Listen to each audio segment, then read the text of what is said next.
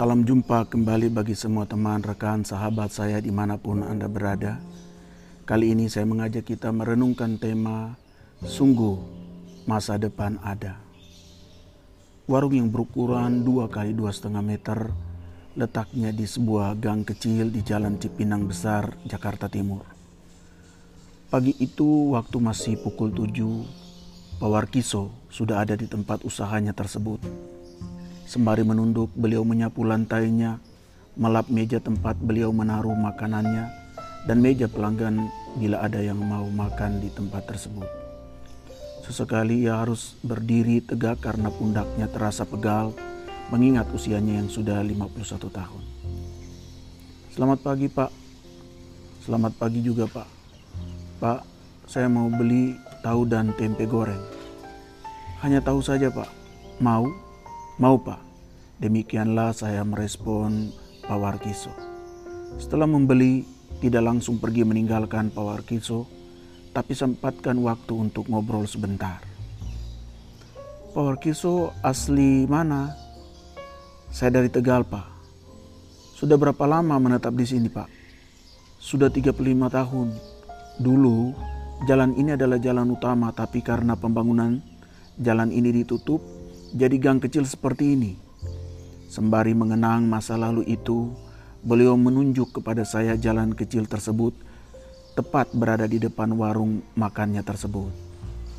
Oh gitu, lalu kerjaan sehari-hari Pak Warkiso apa? Tanya saya penasaran. Saya seorang satpam di pasar Gembrong Pak, sambil menunjukkan namanya yang tertulis di seragam yang dikenakannya saat itu tapi tertutup dengan jaket warna hitam yang masih lekat di badannya. Oh, baik, Pak. Semua pekerjaan baik asal dikerjakan dengan baik dan benar, pasti Tuhan berkati. Iya, Pak, terima kasih. Setelah menghela nafasnya agak panjang, ia berkata, "Beginilah nasib saya, orang kecil." Maksud Bapak? Tanya saya penasaran. Iya, Pak, Waktu dulu saya ikut pergaulan yang salah, akhirnya saya tidak tamat SD dan saya harus begini. Apa boleh buat, semua sudah terlambat. Sambil mengenang masa-masa lalunya dengan nada yang pelan tapi penuh penghayatan, Pak Warkiso menuturkan kisahnya di pagi itu. Benar, sering pergaulan yang salah bisa membawa seorang melangkah pada jalan yang salah, walau tidak disadarinya saat itu, tetapi di kemudian hari akan tahu.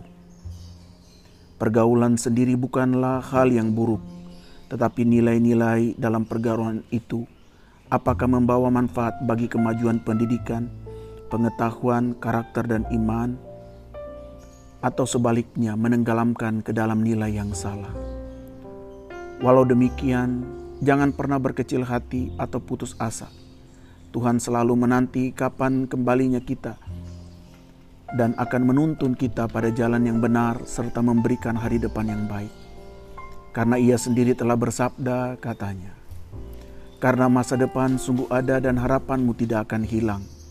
Amsal 13, 23 ayat 18. Bangkitlah kawan, teman, saudara, sahabat di mana pun engkau kini berada.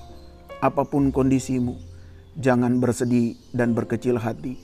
Harus hapuslah air matamu itu Pandanglah kepada Tuhan yang telah mengulurkan tangan kasihnya, ingin memelukmu dalam cinta dan kasihnya yang suci dan murni itu. Ia sangat menyayangimu, ia tidak pernah membuangmu atau mengabaikan, karena ia sendiri pula yang berkata, Aku datang mencari orang berdosa bukan orang benar, bukan orang sehat yang membutuhkan tabib, tetapi orang sakit. Markus 2 ayat 17. Berharaplah terus kepada Tuhan sebab daripadanya datang segala hal yang baik dan berkat. Kiranya Tuhan dimuliakan dan kuasanya turun atas kita serta berkatnya tercurah kepada umat yang dikasihinya. Kini, esok, dan sepanjang masa. Haleluya. Amin.